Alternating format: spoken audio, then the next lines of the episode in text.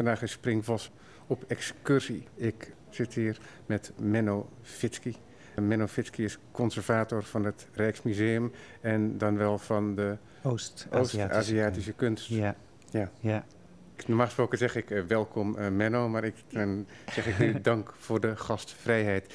We zitten uh, niet in het Rijksmuseum, maar aan de overkant van de straat in het restauratieatelier ja. van het Rijksmuseum. Ja, eigenlijk een, een goed waar, geheim. Hè? Mensen die tegenover het museumgebouw ligt, dat ateliergebouw waar ja, heel veel restauratieateliers zijn voor schilderijen, voor papier, metaal en dus ook voor meubelen, zoals voor deze kist waar we nu naar kijken. En ja, dat is een hele mooie plek waar zowel onderzoek als restauratie. Dus we, uh, we kijken naar voorwerpen, hoe we ze beter kunnen maken, maar ook hoe je er meer van komen, komen te weten. En dat is een hele mooie combinatie. Dat bestaat eigenlijk ja, zo zelden in musea. Dat het allemaal inhuizig is. Dat het allemaal inhuizig is, dat is ja. fantastisch. Ja. Dat is een van de mooie nieuwe voordelen van, van de, het hele vernieuwingsproject ja, van het Rijksmuseum. Ja, ja heel duidelijk. In, in restauratie was natuurlijk iets wat we altijd al deden in het museum voor schilderijen en allerlei andere dingen. Maar die onderzoekstak, dat, daar, daar wordt steeds meer aandacht aan besteed. En, de directie vraagt ook van ons, als je iets aan een voorwerp doet, dan moet je er gelijk ook meer van komen te weten en dat ook publiceren. Dus delen ja. met de wereld. Ja. Reden waarom ik je verzocht heb om hier een gesprek te houden, ja. is het object dat voor ons staat. Zou je dat kunnen benoemen en uh, een hele korte beschrijving geven? Ja, dat is nogal wat. Het is een hele grote kist, uh, zo'n anderhalve meter lang, rechthoekig. Echt, ja, indrukwekkend. En het is een Japanse lakwerkkist van de meest fantastische kwaliteit die je kunt voorstellen. Met heel veel goud, zilver op diep zwart. Echt een, uh, ja, een visueel wonder eigenlijk. Ja, um, de kist die wordt zo gedateerd in de jaren 30 van de 17e eeuw. Ja, ja. Er staan een aantal afbeeldingen op. Ook. Dus het zijn niet alleen versierselen, die zijn er ook in geometrische vorm. Maar er staan ook afbeeldingen op en zelfs scènes uit een klassiek Japans boek. Ja, um, ja zeker. Daar komen we het komende uur natuurlijk over graag, ja. te spreken. Het is vorig jaar ook in het nieuws geweest, um, omdat de aankoopgeschiedenis een avontuur op zich was. Dat kun je wel zeggen, ja. Um, deze kist is in de 20e eeuw kwijt geweest. Um, het is een heel belangrijk voorwerp wat we eigenlijk al sinds de 17e eeuw kunnen volgen. Misschien komen we daar nog op terug. Maar in de vroege 20e eeuw is die kwijtgeraakt. Er was nog een zwart-wit foto van uit 1916. En ja, het is een van de belangrijkste kunstnijverheidsvoorwerpen ter wereld. En dat die weg was, dat was toch wel iets. Ik kan me als student herinneren dat ik een, een artikel las in 1986 over die kist en waar die nou toch in godsnaam geweest zou zijn. En dat, ja, dat die opduikt, dat, dat was natuurlijk een verrassing voor iedereen. Dat was geweldig. Maar aan de andere kant kun je denken, het is een object, een kunstobject, een heel bijzonder kunstobject.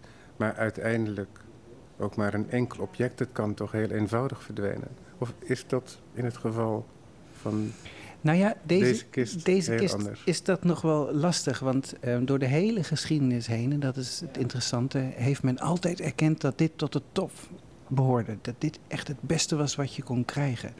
Dus door de hele geschiedenis heen zie je dat alle belangrijke Europese kunstnijverheidsverzamelaars die kist in hun bezit gehad hebben. Um, altijd erkend als topwerk. Ja. En toch in Wales wordt hij nog een keer geveild in Engeland in 1916. En 1941 nog een keer. En, maar ja, waar die dan was gebleven, dat wist niemand. Die laatste koper was niet bekend op, die tot laatste, dat moment. Ja, ja, ja, ja. Maar dan blijft natuurlijk nog altijd de vraag het wat. Want waar hebben we het dan precies over? Ik zeg van ja, het is een object hè, en het komt uit Japan. Het komt uit Japan. En Japan, dat was, dat is heel belangrijk voor mensen om te weten, heel lang volledig gesloten. En Nederlanders ja. die wisten op Ja. zeker moment, Ja. zeker privilege te verkrijgen. Ja, precies. In Japan was, eh, had wel relaties met andere Aziatische landen, maar met Europese landen was Nederland het enige, enige land waar het contact mee had. En de Nederlanders mochten daar verblijven, mochten daar een handelsvestiging hebben. Deshima, dat kleine eiland in het zuiden van Japan. Ja, dat was een kunstmatig, Kunstmatig eilandje. Een voetbalveld zo, ja. Ja. En, en daar zaten ze. En daar ehm, mochten ze niet vanaf. Ze mochten de handel drijven bij de gratie gods. En ehm, die Nederlanders hebben een, ja, een hele bijzondere band met Japan opgebouwd. En deze kist is eigenlijk een, een resultaat van die, van die goede relaties met Japan. Ehm, zo rond 1630 was Nederland al, al een paar decennia in Japan. En had het langzamerhand relaties opgebouwd. En dat was belangrijk, want als je zo'n topstuk als dit, zo'n topstuk van lakwerk wil kopen, dan moet je daar. Je kunt niet zomaar een winkel binnenstappen. Dus daar moet je echt wel, wel relaties voor hebben. En misschien is het ook even goed om uit te leggen wat, wat het nou lakwerk precies inhoudt. Want eh, als je dat niet weet, dan kun je die kist ook niet zo goed waarderen. Eh, lakwerk eh, is op hout met het sap van de lakboom dat een hele harde laag vormt. En dat je zwart, donkerzwart erop doet. En die lakboom die kennen wij hier niet. die lakboom die is alleen in Azië, die bestond in Europa niet. Dus dat was specifiek voor Japan. Eh, In Europa was men er ook heel erg keen op. En in dat lak, als dat nog nat was, dan kon je daar met goudpoeder en andere metaalpoeders in strooien om een hele rijke versiering te maken. En dat moest met heel veel lagen gebeuren. Is dat- is Tientallen dat- lagen, dat zie je hier ook. Ja, maar is dat dan, eh, die lak, is dat dan een sap van een boom of is het meer hars? Het is het, ja, het is het sap van een boom. Je kerft daar in, in die boom en dan, dan tap je dat sap eruit. Zoals en, en mensen bij rubberbomen bij rubberbomen ook doen. En dat vormt een, ja, dat smeer je heel dun op. En je moet het eerst dan weer polijsten met, met wat grof en dan steeds fijner. En dan nog een laagje erop en zo tientallen lagen daarop. En dan krijg je met dat goudpoeder erin gestrooid en, en bladgoud ingelegd. En je kunt er ook nog paramoer in leggen. En nou ja, daar bouw je dat heel langzaam op. En normaal, van deze hele goede kwaliteit, heb je een doosje van 20 centimeter ongeveer. En dit is bijna anderhalve meter. Dus dat is echt ja, ongelooflijk groot. Heel duur. Ja, was dat gebruikelijk in Japan? Absoluut niet. Nee, nee, nee. Die Japanse doosjes zijn ja, de, de meest, een centimeter of 40, dan heb je al een hele grote doos. Dit is 1,40 meter. Dus die Japanse vakwerklieden, kunstenaars, die werden Dit was een uit, uitgedaagd door een andere cultuur om ja, iets ja. anders te gaan doen. Ja, ja, ja, ja. Je, je, dit is een speciale opdracht geweest waar de hele werkplaats eh, zich aan heeft moeten wijden met verschillende mensen om dat, dat te kunnen behapstukken. Maar inderdaad, een voorwerp gemaakt voor een hele andere cultuur aan de andere kant van de wereld. Dus het verzoek is al bijzonder. Ehm, Ja. Die schaalvergroting ook, omdat het heel arbeidsintensief is, heel kunstig en ook met bijzonder kostbare materialen Ja, samengesteld. En daarbij komt het nog dat het ter leiden is, omdat het zo vaardig gemaakt is, tot de allerbeste ateliers die er op dat moment Ja, waren. precies. We hebben eh, voor de familie van de Shogun is er een, een bruidset bekend eh, uit 1637. En die is heel vergelijkbaar in stijl wat, eh, aan deze kist. En nou, dan kun je hem ongeveer dateren. En we weten dat die bruidset gemaakt is door een Koami-werkplaats in Kyoto. Dus nou ja, we nemen aan dat deze kist ook door die werkplaats is Ja, gemaakt. En de shogun, dat is dan de grote heerser op dat De moment. grote heerser, de, de, de, ja, de militaire heerser van Japan. Ja. Het is echt een, een werkplaats die voor de Japanse elite werkte. Die kun je natuurlijk niet zomaar benaderen. Vandaar die Het relaties. is dan toch curieus dat Nederlandse handelslieden, verbonden aan de VOC waarschijnlijk, Ja, die contacten hadden en dat privilege verkregen. Want ze mochten niet zomaar nee, vrij door Japan reizen. nee, nee, nee. Ze zaten daar op dat eiland. Ze zaten daar het hele jaar. Behalve één keer per jaar als ze op audiëntie gingen bij de shogun in Edo. Heel tegenwoordige Tokio. En dat was een reis van drie maanden. En dan, ja, het doel was om de handelscontacten te, continueren. Je moest aan, beleefd aan de shogun vragen, mogen wij nog een jaar handelen? En de shogun zei dan ritueel ja. En met het brengen van geschenken werd dat dan bevestigd. En die shogun wilde dat graag om te laten zien dat hij een tribuutrelatie met Nederland had. Hij was de baas en die nederige handelaren kwamen bij hem tribuut brengen. Ja. En op die reis kwamen ze ook langs Kyoto. En daar bestelden ze lakwerk. Dat was al tientallen jaren aan de gang. Dus je kunt je voorstellen, elk jaar kom je langs Kyoto, je gaat naar de lakwerkers en langzamerhand bouw je een goede relatie met die mensen op. En zo kom je aan die contacten om deze kist uiteindelijk te kunnen bestellen. Is bekend wie die kist besteld heeft? Ja, dat is het grote raadsel. We weten het niet. Want op het voetbalveld, anderhalve voetbalveld, dat het eiland Decimameet, ja. daar woonden niet zo heel erg veel mensen. Nee, nee, er zijn een paar kandidaten in de jaren 1630 die het gedaan kunnen hebben. En eigenlijk is de hoofdverdachte en het opperhoofd uiteindelijk François Caron. En hij is al twintig jaar in Japan, is meerdere keren in Edo geweest op de hofreis spreekt Japans. En ja, het kan bijna niet anders dan dat hij betrokken was bij de bestelling van deze kist die overigens waarschijnlijk gewoon een, een privébestelling is geweest. Niet de officiële handel van de ja, Ja, want daar, daar komt weer een, inderdaad een heel ander facet van dat verhaal. Want je kunt het op zoveel manieren belichten. Ja. Dat die handel werd gedreven. En die Verenigde Oost-Indische Compagnie, die was net als eerdere compagnieën... dat was een samenstel van, van beleggers, zouden we het misschien noemen. Ja, ja, ja. Het is, het is, een privé-initiatief dat, dat heel groot uitgroeit.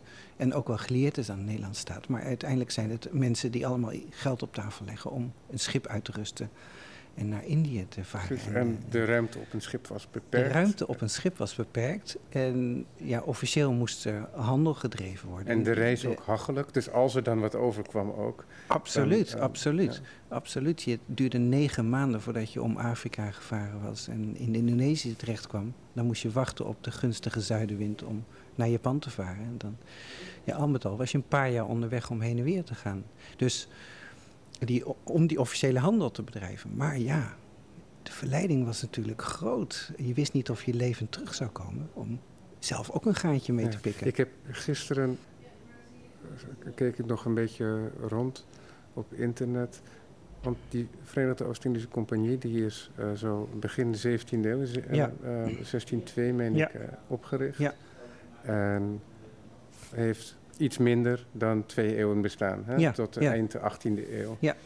En als een van de redenen, mogelijke redenen waarom het allemaal minder ging, behalve de gebruikelijke oorlog en verandering van uh, machtspositie, was ook dat er wel heel veel privéhandel werd gedreven. Veel. Ja, ja, we hebben daar.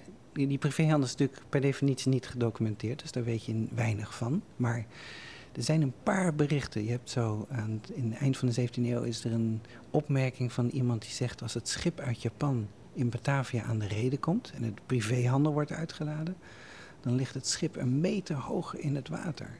Ja, dat, dat, dat is nogal wat zeg. Een meter. Dat is heel veel. Ja. Dus ja, de verleiding was natuurlijk groot. Iedereen had er baat bij om, om, om zelf daar ook flink geld te maken. Precies, dus dat werd waarschijnlijk ook oogluikend toegelaten, omdat dat druppelde zo langs brand uit, waardoor iedereen er wel op zijn manier van kon profiteren. Ja, ja, ja. Als je in Batavia aan de touwtjes trok en uiteindelijk in Nederland ook, want mensen in Nederland hadden daar ook mee te maken, maar ja, er moest een beetje een balans blijven, toch wel. Ja. Zo'n bestelling, het is een zeer kostbare zaak. Waar werd dat mee betaald. Waar waren de Japanners in geïnteresseerd? De Japanners waren geïnteresseerd in Chinese zijde. Er was een grote behoefte voor, aan, aan zijde, voor kleding natuurlijk in Japan. En dat moest gedeeltelijk uit China komen. Ah ja, alles, alles wat uh, hoogstaand is, dat kwam bijna uit China. China was het grote voorbeeld voor Japan in, in Azië. Ja. Ehm, en ja, de Nederlanders hebben ook wel geprobeerd om wollen stof uit, uit Europa in Japan te verkopen. Maar daar was, ja, daar was weinig. Dat was een curiosum. En, maar nee, dat, dat, daar was geen belangstelling voor. Dus Nederlanders die brachten zijde mee en ook wel hout uit Zuidoost-Azië. En ze namen in de 17e eeuw zilver mee terug. En dat was belangrijk, want met dat zilver konden ze verder in Azië weer andere dingen kopen. Uit China, specerijen, in India dingen, waar, die ze weer in Nederland konden verkopen. Dus dat zilver uit Japan was belangrijk. En Japan was de derde zilverexporteur ter wereld in die tijd. Zo'n exorbitante opdracht Ja, reflecteert ook wel iets van de cultuur van de opdrachtgever. dat zeg je heel mooi voorzichtig. Ja. Ja, je hebt toch wel de indruk dat rond 1640 en 1630 het in Batavië allemaal op stoom komt. En dan gaat het echt heel goed. En daar zitten een groep mannen zit daar die aan de touwtjes trekken. En die kennen elkaar al decennia lang. Die zijn met elkaar opgegroeid als eenvoudige mensen naar Azië gekomen, daar opgeklommen vanwege hun talenten. En die, eh, ja, die bedelen zichzelf rijkelijk. Dat is echt, ja. Het geld stroomt de ramen uit, die kinderen Ja. krijg je echt. Ja, precies. Dus dat zijn mensen die nouveau riche? uiteindelijk zijn dat een nouveau riche van die tijd. En ook, Ja, maar, en ook wel in zekere zin een soort avonturiers. avonturiers. Toch? Want het is niet een neutrale positie van de zakenman. nee, Als vaak je je naar de andere kant van de wereld begeeft. Precies, het zijn, het zijn vaak eenvoudige mensen die echt heel veel geld verdienen. En dan, ja, dat wil je natuurlijk laten zien. Conspicuous consumption. Het moest wel ervan afstralen dat je rijk was, denk ik. Ja, en, en niemand om het te tonen. Nou ja, in, in, in Batavia zelf wel. Daar werd Ja. flink. Maar uiteindelijk namen ze dat ook mee terug naar Nederland. Dat was natuurlijk ook wel. Je kwam rijk terug. Dat was de bedoeling. Ja. Deze kist die is waarschijnlijk in Batavia terechtgekomen. Is waarschijnlijk, ja, we denken toch dat François Caron, waar we het net over hadden, die opperhoofd was in Decima, dat mogelijk voor, ja, misschien wel de, gouverneur-generaal in, in Batavia, Antonio van Diemen en zijn vrouw, heeft besteld. Want ja, we weten, Antonio van Diemen overlijdt in Batavia en zijn vrouw keert terug met ongelooflijk veel, veel privébezittingen. Zoveel dat ze er twintig jaar later in Nederland nog over hebben. Dus ja, zij is een kandidaat. Vervolgens is die kist in handen geweest van eh, de grote verzamelaar. Precies, ja. Die, Want het werd ja, wel ja, ja, erg het, erkend. het werd echt erkend. Men wist eh, dat Japans lakwerk heel bijzonder was. In Europa kon het niet gemaakt worden. En ehm, in, rond 1660 is die in handen van eh, kardinaal de Mazarin, de eerste minister onder Lodewijk XIV. En dat was een grote kunstnijverheidsverzamelaar, kunstverzamelaar eigenlijk. En nou ja, het in, in, hij geeft het aan zijn nichtje en in die familie wordt het vererfd. De Duc de Bouillon, verschillende generaties tot 1800. Franse revolutie, het komt waarschijnlijk op de markt. En 1802 wordt het geveld en dan slaat een Engels, Engelsman zijn slag. Thomas Beckford, ook weer zo'n hele belangrijke verzamelaar. Dat zijn dan al verzamelaars. Ja, ja, ja, ja, ja, ja, ja absoluut. Is dat een verschijnsel dat heel lang bestond? Ja, ja, grote kunstnijverheidsverzamelingen, Ja. dat bestaat al lang. En, en Thomas Beckford die verdiende onwaarschijnlijk veel geld, ook met de, de suikerhandel op, op Jamaica. En die heeft een, een, een geweldige collectie die in zijn privéhuis tentoonstelt. En ja, Thomas Beckford zegt ook over zichzelf: ik, ik ben voor niks geschikt eigenlijk, behalve over het schrijven van een, over een reis naar de maan over, of over Japan. Hij is echt een Engelse gentleman die financieel onafhankelijk is en tijd heeft om zich aan de kunsten te wijden. Nou goed, zo, zo dobbert die kist verder, want het komt in zijn schoonfamilie terecht. En de Dukes of Hamilton, ook weer kunstnijverheidsverzamelaars. En Sir Trevor Lawrence, een andere verzamelaar aan het eind van de 19e eeuw, die alle belangrijke stukken Japans lakwerk in zijn bezit heeft. Echt een fan, fanaat. En goed, er zijn twee van dit soort kisten. Dat is nog wel moeite waard om op te merken. En ehm, Dat, er, ehm, Thomas er- Beckford er- heeft er ze zijn, er allebei. zijn- Er zijn een aantal grote kisten gemaakt. Ja. Maar dit is, Dit is de grootste. Een soort tweeling. Ja, ja, dus een tweeling, een iets kleiner, maar iets rijker gedecoreerd exemplaar in het Victorian Albert Museum. En Thomas Beckford heeft ze aan het begin van 19 allebei. En in het eind van de 19e eeuw gaat de, deze kist naar Sir Trevor Lawrence. De andere kist komt in het Victorian Albert Museum terecht en is daar nog steeds. En het Victorian Albert Museum is degene die in de 20e eeuw die zoektocht op touw zet. Hè? Want Zij hebben, zij hebben die, zij hebben die kist en er moet er nog één zijn. En waar is die? Dus zij lanceren een internationaal zoekprogramma om, om die, deze kist te achterhalen. Waar is die?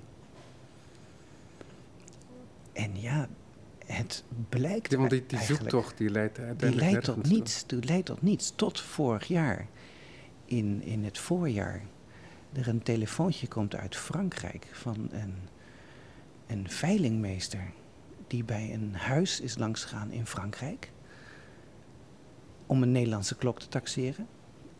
De eigenaar is overleden, de kinderen verdelen de boedel.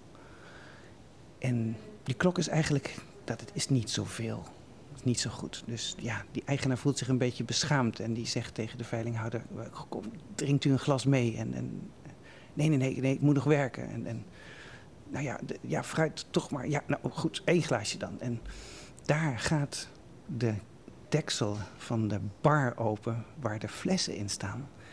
Dat is deze kist. en nu nog zie je de, de kringen van die flessen erin sta- in staan. Die kist is als bar gebruikt. En nou ja, die veilinghouder die weet niet wat hij, wat hij ziet. Hij weet wel, hij, hij kent het voorwerp niet, maar hij weet wel dat het een bijzonder iets is. En zegt, nou, dit is nou wel wat. Die gaat zijn huiswerk doen. Komt onmiddellijk op de site van het Victorian Albert Museum terecht. Belt het Victorian Albert Museum. En daar vallen ze van hun stoel, van verbazing natuurlijk. En binnen tien minuten weet de hele wereld dit. Zo ook wij. En ja, dat, dat, dat, ongelooflijk moment dat zoiets opduikt.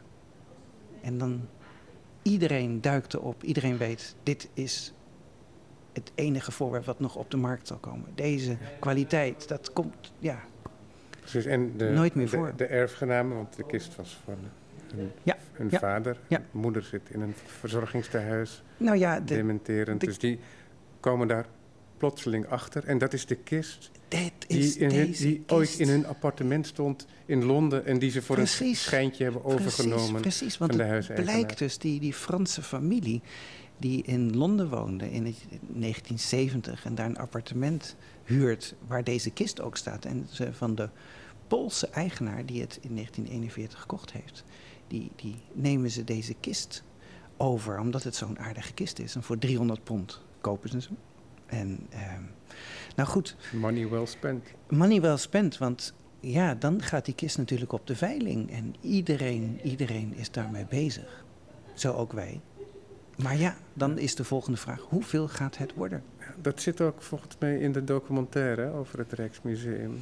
Nee, nee, bieding. niet deze bieding. Dat is een ja, andere dat- bieding, maar... dat- Daar vergis ik me dan weer in. Ja, ja. maar ja, dat, dat, ge- dat is wel goed dat je het zegt, want het gebeurt natuurlijk vaker dat er iets op de veiling komt. En meestal is dat op hele korte termijn. En dan moet het museum, moet, je moet geld gaan werven.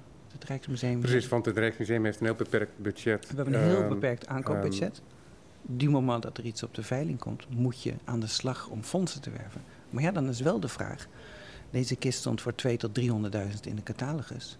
Hoeveel gaat het worden? Hoeveel geld moet je bijeenbrengen? Want Want het is de enige die op de markt zal komen. ja, en op een gegeven moment had onze directeur collecties had 5 miljoen bij elkaar.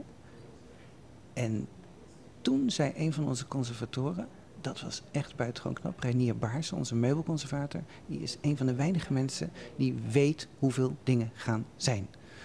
En hij zei tegen de directeur, het is hartstikke mooi dat we 5 miljoen hebben, maar het zal niet genoeg zijn. Hij kon dat inschatten. Maar dat is natuurlijk wel van belang, want zo'n fonds, ja, dan moet je zeggen van, ja, nou, we hebben nu 5 miljoen, maar we moeten nog meer van u hebben. Ja. En het staat voor 300.000 in de catalogus. Dat is heel moeilijk, maar goed. Toch, toch mensen overtuigd en, en geld bij heen geharkt. En dat kwam ook omdat niet alleen de conservatoren, zoals Ja. Reinier Buis, maar zoals Ja. maar ook andere collega's, inzagen Ja, ja. Dat, eh, Nou, dat is het mooie van zo'n daar voorwerp. volop ingezet moest worden. Ja. Want het verlangt ook solidariteit van andere collega's die daardoor hun aankoop dus niet- bijvoorbeeld niet kunnen doen. Ja, ja. Ja. maar goed, als er zo'n eh, heel af en toe gebeurt dat er een echt topwerk op Ja. de markt komt en dan realiseert ze iedereen, dit, is, dit moeten we doen. Menno, we kunnen volgens mij een dag vullen met Ja. de verhalen die verbonden zijn met het paspoort van de kist. Hè? De Ja. reisgeschiedenis Ja. en de aankoopgeschiedenis. Maar wij bevinden ons in de gelukkige positie dat we dit gesprek kunnen voeren op zo'n 80 centimeter van die Het is kist. fantastisch, Hè? Hij torent boven ons uit. Wij zitten wat lager. En anders dan op de zaal is het zo dat de kist nu ook geopend Open is. staat. Ja, en die binnenkant van een lakwerkkist, die is natuurlijk altijd van, tegen het licht beschermd geweest. En daar zie je nog de oorspronkelijke versiering in al zijn glorie eigenlijk. Heel rijk met, met allerlei tinten goud. Heel veel verschillende tinten goud met ongelofelijke detaillering. Dat is het eigenlijk. Ja, het is, Het voornaamste de afbeelding is eh, wat, Dat- neveliger, zou je misschien kunnen zeggen ook. hè, Dat de overgangen die zijn geleidelijker. Ja, ja, ja. De, en dat is een manier om, om diepte in de voorstelling te krijgen. Dat, eigenlijk kun je van deze kist zeggen dat het een schildering, een schilderij in lakwerk is. Het is, het is zo atmosferisch. Ja. Kun je ja, beschrijven wa- naar wat voor voorstelling we kijken aan die binnenkant van die deksel? Aan de binnenkant zie je de berg Fuji met daarvoor een jachtscène. En dat is een hele bekende eh, episode uit de Japanse geschiedenis. Als de eerste shogun van Japan in het eind van de 12e eeuw op jacht is bij de berg Fuji. En daar is een wild zwijn dat plotseling het kamp van de shogun bedreigt. En een dappere krijger die springt op het zwijn en bedwingt het beest. En dat is een heldendaad die nog vaak zal worden vastgelegd in de Japanse kunst. En ik geef het je ook maar te doen hè, om op zo'n wild zwijn te springen. Dus dat is nog ook wel een, eh, een eh, ja, prestatie. Wat heel mooi is, ehm, dat eh, het eerste wat je blik trekt, denk ik uiteindelijk, is toch die Fuji-berg. Ja. Die daar als een zilveren kegel bovenuit komt. en dat is, het ook, dat is het ook letterlijk. Ja, Ja. ja. Realiseer je dat zilver is nu wat zwart geoxideerd, maar dat moet oorspronkelijk echt blinkend zilverwit zijn geweest. Dus dat is fantastisch. Dat doet natuurlijk de en want sneeuw. die, top inderdaad van Mount Fuji is dan is gehuld in sneeuw. In, in sneeuw. Ja. En dat we een heuvelachtig landschap zien. En dat die heuvels die werken ook als coulissen voor de verschillende elementen Ja. van die vertelling. We hebben rechtsboven de shogun staan. Ja. Die herken je duidelijk. de hij zit parasol boven Te zich. paard, Ja. de enige te paard. En hij- er wordt een parasol boven hem gehouden. Omringd door zijn soldaten. Ja. Die met een soort hellebardiers en bogen daar staan. Ja, rijk uitgedost. En daartussen dat landschap allerlei bomen in, in heel gedetailleerd weergegeven. En de, de rennen herten rond. Er zijn mensen met pijl en boog op, op paarden bezig om dieren te schieten. Het is echt een hele levendige scène. En inderdaad, die, die ronde heuvels die ritme geven aan de voorstelling. En ook als, inderdaad als coulisse diepte. En we hebben dan die ene figuur die dan zo moedig is. Ja. om dat losgeslagen zwijn te proberen te beheersen. En Ja, die bereidt hem al zoals een Als cowboy een in de rodeo. Ja, ja, ja. Het, eh, in Japan is natuurlijk een, eh, in die tijd een militair bewind. Dus ja, stoutmoedigheid, dat is, moet iedereen tot voorbeeld dienen. Dat is duidelijk. Ja. Stoere mannen. Want het is opvallend dat dit wel heel duidelijk dat er gekozen is voor een Japanse vertelling. Ja, ja. eh, het klassieke repertoire van Japans lakwerk. En dat is het, het, het, het ja, niet super merkwaardig van deze kist natuurlijk. Ze gebruiken het traditionele eh, repertoire van de Japanse kunstnijverheid, klassieke vertellingen. En die kent iedereen in Japan. Iedereen die dit ontwikkeld in Japan zou laten zien, zou dat onmiddellijk herkennen. Maar in Nederland, als die kist aankomt, en in Frankrijk, gaat dat natuurlijk aan iedereen voorbij, die betekenis van die voorstelling. Maar, en dat is het leuke, het voldoet toch aan alle verwachtingen. Want het ziet er exotisch uit. Rijk gedecoreerd in goud en zwart en zilver. Dus helemaal zoals het zijn moet. En het Maar- feit dat het misschien niet helemaal aansluit, dat is ook het mysterie. Hè? Een soort exotisme. Exotisme, het, eh, het moest er eh, curieus versierd uitzien. Dat was de term die je voortdurend in de documenten vindt. We willen curieus versierde voorwerpen. Oh, dat wordt ook Ja, letterlijk ja, gezegd. Ja, ja, de directie uit Amsterdam, die, die, eh, die willen kostelijk en curieus versierde Ja. voorwerpen. En dat is toch opmerkelijk, omdat je eh, met bijvoorbeeld Chinees porselein ziet, Ja. dat daarin de versiering wel verandert. Dat dat Ja. niet strikt ehm, Ja, ja, Chinees eigenlijk- blijft. Nee, precies. Eigenlijk wil, is het met exportkunst zo dat. ehm, het is wel leuk wat ze in Azië maken, maar we willen toch wel graag dicteren hoe het er een beetje uit moet zien. Het moet wel een beetje aan onze eigen standaarden voor, eh, voldoen. Zo is het zelfs gegaan met de wijn. Nederlanders die gingen op een gegeven moment aan de Fransen in Oh ja? Bordeaux zeggen hoe ze beter wijn konden maken. Nederland heeft nooit Dus- geaarzeld om andere landen te vertellen hoe ze het moeten doen. Ja, Dat is weer Ehm, een ander Maar ehm, ja, Maar- exact. In, in, in, in- bij deze kist is dat ook wel zo hoor. De, het feit dat er een cartouche omheen zit van draken.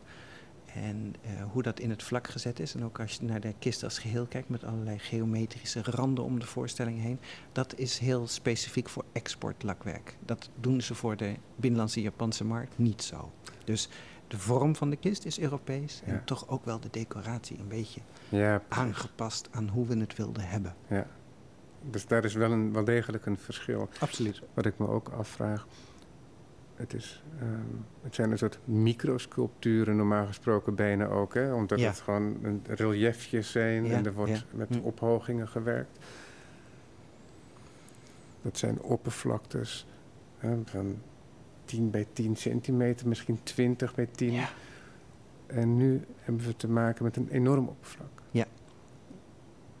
Je kunt niet straffeloos datgene wat je in het klein doet opblazen tot iets groters. Precies, en dat is het knappe van zo'n topwerkplaats in Kyoto die dat voor elkaar krijgt. Om op zo'n heel groot vlak toch een voorstelling te maken die helemaal in balans is. Als je die voorstelling op de voorkant kijkt, die kun je als, als een, ja, omringd door dat kader, is dat eigenlijk één schildering, zoals je het ook in de schilderkunst aantreft. Ja. En hoe groot je dat ook ziet, het is perfect van compositie. Maar ook als je inzoomt op het kleinste detail, dan tref je nog altijd een hele aangename vormgeving aan. En dat is eigenlijk het kenmerk voor topkwaliteit lakwerk. Dat je, hoe groot of hoe klein je ook kijkt, het is altijd ja, vrijwel perfect. Ja. We hebben een heel breed beeld, een soort cinemascoop. Eigenlijk bijna. wel, ja, ja, ja. Nog benadrukt. Frits Lang zegt daarover: C'est pas fait pour euh, le cinéma, c'est fait pour des enterrements. Ou bien pour des serpents. Ehm, in het hart ervan, net aan de bovenkant, hebben we een sleutelplaat Ja, waar ook weer versieringen op zitten. draak en tijger, ja. Heel rijk geciseleerd daar in dat metaal met zwart op de achtergrond. Dat is een traditioneel Japans thema, combinatie van draak en tijger. Dus ja, al die exotische elementen die die Nederlanders graag willen zien, die werden door de Japanners Ja. geleverd. En die band met geometrische vormen, en er zit ook een bloemmotief in. Ja. Zijn dat dan geen motieven die je terugziet in de Japanse cultuur? Jawel, op zich wel. Die zijn ronde motieven die je al heel vroeg op Japanse Alleen de, de toepassing manier waarop in zo'n dat- band Dat is Ja. een, een, een, een westers eh, principe. als een ja, kadrering kadrering. van die vertelling. En ik wil heel graag ook naar die vertelling gaan kijken en naar hoe het uitgevoerd is. Ja. Nou ja, eigenlijk... Je kunt eigenlijk een dag voor die kist zitten. En dat heb ik nu meerdere malen gedaan. En je ziet steeds iets nieuws. Want ja, er zijn daar allerlei figuren. Die vrouwen die in een paleistuin rondlopen met bloemen. En iedere kimono van die vrouw is een apart gedecoreerd met een apart motief. In heel verschillende tinten. Dus het is, het is een visueel feest om naar te... Ja, Wat, je ja, wat heel lang belangrijk is, is dat je, je kunt er in één keer naar kijken en dan zie Ja. je een hele grote, groot opgezette compositie. Ja. Het is landschappelijk, hè, want het is Ja. een, niet een tuintje, maar het is een paleiscomplex. En je kunt het dus in zijn geheel aanschouwen. Maar Ja. als je, zoals wij, op 80 centimeter van de kist zitten, dan kun je ook de afzonderlijke segmenten van die compositie gaan bekijken. En dat zijn Ja. weer Ja. Ja, schilderingen op zich, dus eh, composities op zich. Composities op zich, eh, zoals je in de schilderkunst vindt en in de Europese vroege schilderkunst natuurlijk ook, dat je eigenlijk verschillende scènes in één voorstelling vat. En hier is dat ja, heel duidelijk waar we naar kijken. Het is uit eh, het verhaal van Genji. En dat is een klassieker Ja, we hebben afgelopen aan de- jaar met Jos ja. Vos, de vertaler van Ja, dit klassieke ja. meesterwerk, een uur over gesproken. Begin 11e eeuw is er een hofdame, Murasaki Shikibu heette zij waarschijnlijk. Ja, En, en zij heeft voor een heel klein gezelschap, waarschijnlijk ooit, is zij zo'n vertelling gestart. En die vertelling dat gaat om de schone prins Genji. En Ja. het volgt uiteindelijk Genji tot de herfst van zijn leven en daar voorbij. Hè. Uiteindelijk ja. gaat het over zijn nazaten en die zijn dan verbond, verbonden ja, in die kringen rond het keizerlijke hof. kon het keizerlijke hof in Kyoto. En dat is inderdaad een van de thema's van, van die roman. Hè? De, dat, het voorbijgaan van de tijd. Het, het, ja, het, het vergankelijke van schoonheid. Het, het, het, eh, Ja, ja, dit is een vertelling met korte hoofdstukken. ja, Ja, het gaat over het hofleven. En mannen en vrouwen leven eigenlijk min of meer gescheiden. precies. Eh, maar deze ja. Genji is wel een schuinsmarcheerder ook. ja, ja, Die eh, leeft het goede leven. En ja, het zien van een blote enkel of een blanke pols of hals... precies. Die, die- eh, dat is al een mirakel, want de vrouwen die bevinden zich achter kamerschermen. Ja. En ehm, Ja. die leven een leven in het binnenste van het paleis. En alleen als de mannen weg zijn, Ja. kunnen zij, hebben ze ook toegang tot de tuinen. ja, ja, Of tenzij ze een privétuin hebben. absoluut. En ja, de, die hele wereld van die vrouwen die, die dus heel knap beschreven wordt door die hofvrouw, die dus in haar eigen leven ook niet naar buiten mocht. En toch dat, dat hele leven, ook van de mannen, buiten de vrouwenverblijf, heel goed weet te schetsen. Want ze schrijft vanuit een mannelijk perspectief. Ja, soms ook wel. Dus dat is echt heel knap hoe zij dat gedaan heeft. En ja, dat, die vrouwen waren, dat was ja, dat, een constant spel tussen mannen en vrouwen, die dan toch s'nachts natuurlijk naar de vrouwenverblijven kwamen. Ehm, naast hun echtgenoten ook een minnares of meerdere minnaressen hadden die een bezoek brachten. Dus het leven van die vrouwen draait ook eigenlijk om, om de aandacht die ze van die man krijgen. Dat is belangrijk. Ben ik niet achtergesteld? Is er een andere vrouw die prioriteit over mij heeft? Dus er zit heel veel tragiek in die roman, die ja, eh, een van de thema's is van die, die Murasaki aansnijdt. We zien heel veel goud. Ja. Ook verschillende nuances goud. Ik zei al, zijn ook, uh, het is ook opgehoogd. Het is de reliefs in, de, uh, de pagode-achtige daken van de verschillende paviljoens. Die uh, Bijna naar steken, voren komen. Die komen ook naar voren. Ja, ja en, en kun, je, nog- kun, kun, nog- kun je iets zeggen over, die, over de uitvoering, De en de geometrische vormen? Ja, je ziet die, die paleistuinen en de omheiningen ook, die, die zijn heel driedimensionaal weergegeven. Er zit natuurlijk altijd wel heel mooi perspectief in een Japanse schildering, die wat anders is dan de onze, maar toch heel invoelbaar. Waardoor je de scènes eh, iets, van, iets wat van boven ziet en daar dus heel goed mee kunt werken om een verhaal te vertellen. En die eh, verschillende diagonale lijnen die je ziet, die kun je ook gebruiken om de voorstelling te kadreren en ja, verschillende elementen van het verhaal naast elkaar af te beelden. Maar je ziet inderdaad ehm, heel veel gestrooid goudpoeder, wat heel fijn in, die, in dat lakwerk is en heel rijk oppervlak geeft. Daarnaast is er ook bladgoud, eh, zilverpoeder. En als je ervoor staat, is dat ook wel opvallend. Er zijn kleine bolletjes zilver Ja, ingelegd Die zie je verspreid op de over planten. alle delen van met name eh, Ja, de, ja. de tuinen. Ja. En dat zijn ja, bolletjes van een paar millimeter. Die schijnen er ook op te liggen. Wat is dat? Dat is de dauw. Die, het is een ochtendscène en daar zie je de ochtenddauw op de planten nog zitten. En dat speelt een grote rol in het verhaal dat hier afgespeeld is. Ja, en ik zie ook een, een kind lopen waar een, een zwierende draad boven het hoofd hangt. Ja, ja, ja. Bevestigd aan iets van een libelle. Ja, en, en dat is heel grappig, want ik sprak een Japanse collega en die zei: Ja, dat deed ik als kind ook. Je kunt een libelle natuurlijk gewoon een touwtje ombinden en dan kun je hem als een soort ballon boven je hoofd mee rondlopen. Dit beeldt een hoofdstuk uit. Ja, Uit dat verhaal van Genji. Ja. Van deze hofdame waar we het zojuist over hadden. Is, dat, is de hele compositie, betreft dat die vertelling? één hoofdstuk uit de Genji, de herfststorm. En dat is een, een, eh, ja, een fabelachtig hoofdstuk waarin eh, van alles gebeurt. Vooral met de emoties van de hoofdpersoon. En die, eh, je vindt hier een afbeelding uit het midden van dat hoofdstuk. En Ja, dat is, dat is ontzettend mooi, want de herfststorm, je ziet ook nog links zie je donkere wolken zie je wegtrekken. De herfststorm die raast over Kyoto in de nacht. En een van de hoofdpersonen van de Genji, de zoon van Genji, Yugiri, die is op stap tijdens die nacht, die roerige, woelige nacht. Hij maakt zich zorgen om zijn grootmoeder, die als een kind is geworden en zich heel erg zorgen maakt. Ook weer dat voortgaan van de generaties. Zij takelt af. En zij is in de war en hij steunt haar. Maar aan de andere kant gaat hij ook weer naar het paleis steeds terug. Want ja, daar, daar is chaos aan het ontstaan. Er zijn paviljoenen ingestort. En de, de tuin, en daar draait het hier om, die tuin is vernield. Die tuin die zo zorgvuldig opgebouwd is, want er waren concerten gepland. En, en de, de, alle herfstbloemen eh, bloeien. En dat is in Japan, de herfst is een heel mooi seizoen in Japan. Na de drukkende zomerhitte.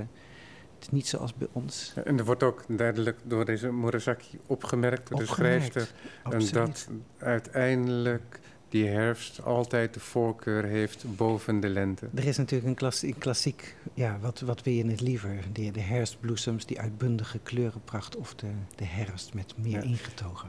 Wil je ehm, een passage voorlezen uit ja, ja, ja, ja, want Yugiri die is in die nacht dus op stap en hij komt, s'morgens komt hij bij het paleis van de keizerin aan. En dan volgde dit fragment. Yugiri stapte van de veranda en ging op weg naar de keizerin. Hij nam de deur naar de wandelgang en zag er schitterend uit in het eerste ochtendlicht.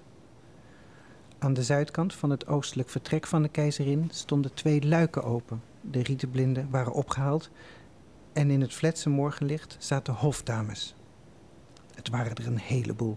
Ze waren allemaal jong en leunden tegen de balustrade. Ze zaten er ontspannen bij en hij kon niet goed zien wat ze aan hadden, maar in het vale morgenlicht waren ze stuk voor stuk een wonderlijke uitbarsting van kleuren. Hare majesteit had pagemeisjes de tuin ingestuurd om de krekels in hun kooitjes te laten drinken van de dauw. Vier of vijf pagemeisjes in aster- en anjekleurige gewaden, lichte of donkere, en met de bovenkleding in maagdenbloementinten, perfect aangepast aan het jaargetij, dartelde van bosje naar bosje met kooitjes in verscheidene kleuren. Ze plukte anjers en andere lieflijke bloempjes voor hun meesteres en ze zagen er betoverend uit in de lichte mist. Een briesje voerde een geur aan die van aster scheen te komen en ook een wierookparfum, misschien wel van Hare Majesteit zelf. Hmm. Zo mooi. Het is zo mooi. Het uh, laten drinken ja, van de krekels, van de dauwdruppels in de tuin. Precies. en dat zijn dan die zilveren... Die, zilveren druppels, die je ziet, de dauwdruppels. En je ziet hier ook rechts op de voorstelling twee krekelkoortjes die meegedragen worden. Dus ja, Hare Majesteit had pagemeisjes de tuin ingestuurd om de krekels in hun kooitjes te laten drinken van de dauw. Dat is zo'n mooie poëtische zin. En ik heb er heel lang over zitten peinzen van wat dat nou betekent, die verwijzing. Wat, wat, wat, wat moet je daar nou mee? En opeens ging het licht aan, want Hare Majesteit, natuurlijk een, een, een mens met ongelooflijk veel verplichtingen en, en, en zorgen. Vooral in zo'n herfststormnacht waar alles vernield wordt. Zelfs in die drukke, moeilijke tijden heeft zij aandacht voor de meest kleine onderdanen in haar gevolgde krekels. Dus dat is natuurlijk haar moreel karakter, wordt hier getoond. Ja. Op zo'n poëtische manier. Vroeg 11e eeuwse vertelling. Vroeg 11e eeuws. Die in de 17e eeuw nog levend is en deel uitmaakt van de cultuur, de verhalencultuur ook van de Japanners. en dat doet het nog altijd. Nog altijd. Want er verschijnen nog altijd vertalingen. Ja. Ehm, en dan gaat het niet om, nou, er is al een vertaling, dus het is niet nodig. Nee, nee. Maar überhaupt al, de exercitie is al van belang. Ja, ja zelfs in stripvorm. Hè. Er zijn meerdere delen. En dat is het mooie van Japan. Die klassieke cultuur wordt daar levend gehouden door daar heel flexibel mee om te gaan. Daar kunnen wij nog wat van leren. Dus die Ja, die is, als je in een boekwinkel komt, staat die Genji daar ook in, in eh, twaalf delen, in stripvorm, staat hij daar uitgestald. Ja. Dus mensen kopen dat ook, anders stond het er niet. Ja. Dat is natuurlijk... het, eh, eh, kom daar bij ons maar eens om de Vos Renaarde. Probeer die eens te vinden in een boekhandel. De herfststorm. De herstorm. Dus, en dat wordt ook aangegrepen om volledig uit te pakken. Nou, ja, dat kun je wel zeggen, ja. Al die figuren die hierop staan met hun verschillende eh, decoraties en al die bloemen ook, al die planten heel nauwkeurig weergegeven. Ja. Waarom denk jij de mensen die die kist in de geschiedenis in hun bezit hebben gehad, zoals kardinaal Mazarin Ja, en ook de eerste koper bijvoorbeeld, waren die en de grote verzamelaars, waren die op de hoogte Nee, van nee. die vertellingen? Nee, nee. Pas aan het eind van de 19e eeuw kwam dat verhaal naar buiten. Toen is er ook een vertaling gemaakt in het Engels. Dus ja, de- de, eh, mensen hebben daar met verwondering naar gekeken natuurlijk. Je kunt je voorstellen dat als je gasten had, dat je daar naar ging kijken en dat over ging praten. Er was enorm veel te zien. En in een tijd zonder televisie kon dat echt voor, ja, dan kon je daar urenlang naar kijken, volgens Ja. mij. En mensen waren er echt zuinig op. Maar inderdaad, dat verhaal. En dat is heel opmerkelijk, want in, voor de Japanse markt zelf zijn er ook lakwerkdozen met de, voorstelling van Genji. Maar dan wilde men juist de s- verwijzing zo subtiel mogelijk hebben. Dan zou je misschien alleen een krekelkoortje zien. En zou iemand weten van, oh, hè, je zou een plant met een dauwdruppeltje daarnaast een krekelkoortje. En dan wist de geoefende kijker al, ah, dit Ja, is, soort pasto toto wordt er dan. dit is ja. hoofdstuk 26, de herfststorm. Maar het lijkt wel hier of de lakwerk een soort handreiking heeft gedaan naar het Europese publiek. En dat verhaal van Genji heel expliciet heeft afgebeeld. Duidelijker dan dit kunnen we het niet maken voor u. Ja. En het is misschien ook een consequentie van die schaalvergroting dat, er, eh, dat, dat, dat er verschillende elementen uit het verhaal ehm, Ja. in één beeldenis gevat Ja. eh, kunnen worden. Maar dan nog zo nadrukkelijk en expliciet als het hier afgebeeld wordt, dat is typisch voor exportkunst. Je hebt dat anekdotische element dat het verhaal vertelt. Ja. Maar uiteindelijk, als je heel lang ernaar kijkt en het meanderen van de tuinen volgt en van het water rond de rotsen, dan kun je ook wel zeggen, denk Mm. ik, dat, dat het in de hele uitvoering ook verborgen zit. Ja, Een andere manier van kijken. ehm, Zeker. Nee, het- het- het- het is een schildering. En de atmosfeer van het hoofdstuk, die herfststorm die weg is getrokken. En dan, je kent het wel, hè? Na, na een hevige regenbui kan het opklaren en dan wordt het op een bepaalde manier. ehm, ja, je ruikt het bijna. Het is regen geweest, de aarde is nat. En het is een bepaalde helderheid die er dan optreedt. En dat zie je hier ook, die vroege ochtend. Ehm, het dauw dat er nog op zit is nog wat fris. Als je er lang voor naar gaat zitten kijken, dat, eigenlijk zou je op zaal zou je stoelen willen hebben. Want je moet hier gewoon voor gaan zitten om ja, want ik het merk op ook, je in te laten ik werken. merk ook dat terwijl ik met je praat, ik zit aan de linkerkant van Ja. de kist en ik kan echt, terwijl ik met je praat, ook echt verdwijnen in twee verschillende scènes, terwijl ik in één hoekje zit te kijken. al. Ja, ja, je kunt er echt een dag voor zitten. Ja. En, en hoe langer je ervoor zit, hoe meer je dat hoofdstuk, die atmosfeer op je in kunt laten werken. En dat is natuurlijk een kenmerk van een echt goed kunstwerk. Dat je, ehm, je kunt er vijf minuten naar kijken, maar ook vijf kwartier en ook vijf uur. Je kon je geluk waarschijnlijk bijna niet op toen het daadwerkelijk lukte hè, Het- op de veiling. Ik had er geen rekening mee gehouden. Ik dacht, dat lukt ons nooit. En het, ja, we hebben nog niet gezegd hoeveel, hoe het geëindigd is met de veiling natuurlijk. Maar wij hadden een limiet. En ehm, die werd geboden. En bijna bij de eerste ehm, bieding, die al op 5,6 miljoen lag. Dan, dan hadden we nog tot 5,8 kunnen gaan. Maar dat werd al door iemand anders geboden. En ja, wat doen? En toen heeft de directeur collecties Taco heeft nog eh, onze echte directeur opgebeld, eh, onze hoofddirecteur. En die heeft gezegd, is er nou nog iets doen? En nou, vooruit nog, nog één stapje hoger. En toen, toen, toen, godzijdank kwam er geen volgende, volgende bod. En toen Ja. hadden we hem, 5,9. Ja. Ja, het is heel interessant hoe in dit verhaal rond deze kerst het kapitaal en het materiële en het geestelijke eh, Ja, eh, samenvallen. Want het is een kapitale kist. Dat, het is nogal dat wat. voert hij ook met in zijn hele geschiedenis mee. Het is altijd in de handen van de rijken geweest. En nu is het een heel rijke gift. Maar aankoop voor het Rijksmuseum. Nou ja, het, het- is natuurlijk een hele partij geld. Dat is zeker zo. En, maar tegelijkertijd is het ook zo dat al dat geld uiteindelijk nu, een paar eeuwen later, vier eeuwen later bijna, bewerkstelligt dat je nog weg kunt dromen in die verschillende ja, ja, het is een, een, een, uitbeeldingen. een wondermooie manier om weg te dromen. En wat voor ons museum belangrijk natuurlijk ook is, dat het daarnaast een. een en als je iets fantastisch voor, als je een topwerk wil hebben, dan moet je eraan uitgeven. Dat is duidelijk. Maar wat ook, wat ook belangrijk is, denk ik, is dat het niet een op zichzelf staand topwerk is, maar het is ook in die zin een Ja. sleutelstuk. Daar wilde ik naartoe inderdaad. Want je moet, eh, een van onze dingen die we in het Rijksmuseum doen, is dat we de Gouden Eeuw belichten. Dat is het hoogtepunt wat we toch laten zien in het Rijksmuseum. En om aan te duiden hoe rijk Nederland was, hoe goed het ging, wat, wat die stadscultuur die daar opbloeide, wat die voortbracht. Daar is dit natuurlijk een, een, een, eh, ja, bij uitstek een, een voorbeeld van. Ja. En dat onze band met Azië belicht. Dus het heeft alles in zich om dat te tonen. En dat maakt het tot een sleutelstuk. Ja. Ehm, de kist staat nu in het restauratieatelier. Ehm, we hebben geen tijd meer om daar heel lang over te spreken, nee. dus ik rond het wel af. Ja, We zien de prachtige binnenkant. Straks gaat hij weer dicht en dan gaat hij weer op zaal. En dan is hij gewoon weer te zien door de bezoekers. ja, ja.